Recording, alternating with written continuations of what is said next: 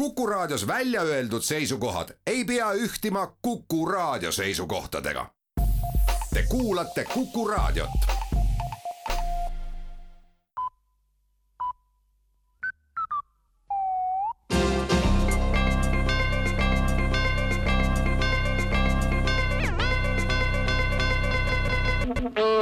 tere kuulama uudiseid stuudios Rohke Debelak erakonnad tegid täna hommikul ühisavalduse, milles valijatele selgitatakse valimislubaduste rahaliste katete küsimusi. teates märgitakse, et iga päevaga süveneb inimestes kartus, et erakonnad on valimislubadustes vindi üle keeranud ja kõige selle jaoks, mis heldelt plaanis, ei ole võimalik riigieelarvest rahalisi vahendeid leida ning nii mõnedki valimislubadused on sellised, et neid ei oleks võimalik katta ka laenurahaga erakonnad annavad avalduses teada, et poliitikud on endiselt vastutustundlikud ja orienteeruvad reaalses maailmas hästi. ühtegi kulukat valimislubadust ei ole ühelgi erakonnal ju plaanis päriselt ellu viia, vaid lubadused on üks osa valimistest ja ammu omaette muinasjutužanr, mis mõeldud lihtsalt lubamiseks erakonnad on üllatunud, et märkimisväärne osa elanikkonnast ei ole sellest aastatega aru saanud ja arvab ikka, et poliitikute valimiseelses jutus on mingi seos päris eluga. teate lõpetuseks toonitatakse, et kõik poliitikud on endiselt mõistuse juures ja ei kavatse pärast valimisi ebaadekvaatset finantspoliitikat viljeleda ületöötamiskassa annab aga teada, et alates tänasest on kõikidel töötajatel võimalik soovi korral teha puhkuseampse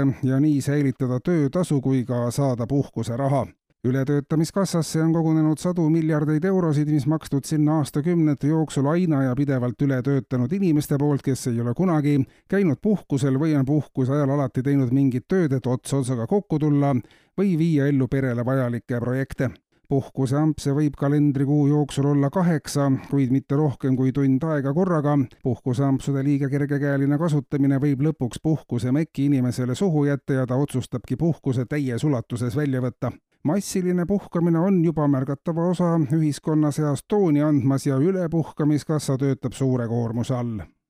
Tallinna linnavalitsus aga annab teada, et pärast kohtuprotsesse ja suuri väljamakseid on linna allasutuste juhtivtöötajate koolituste tasustamine võetud revideerimisele ära ei jäeta midagi, vaid juurde tuleb häbi tundmise koolitus. esialgu kestab häbikoolitus kaks kuud, kuid tõsisematel juhtudel võib ametniku koolitamine kesta aastaid, enne kui ta oma tegevuse pärast mingit häbi tundma hakkab. tihti on tegemist elukestva õppega ja ka siis ei ole tulemus alati kindel, märgivad juhtivad häbikoolitajad. sageli on inimesed ise ka suures mures.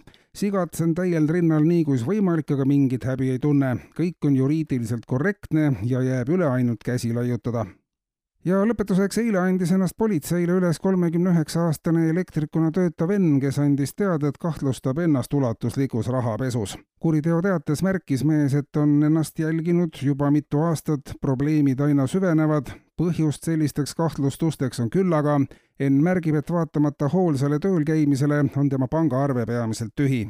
vahel on pärast palgapäeva arvel mitusada eurot, aga kolme päeva pärast on jälle kõik nullis, kuigi midagi eriti kulutada ei olegi saanud. mõned arved maksta, kolm korda poes käia ja pangakonto lage. kuhu ma selle kõik panen, küsib mees ja soovib kaasuses põhjalikku riigipoolset uurimist.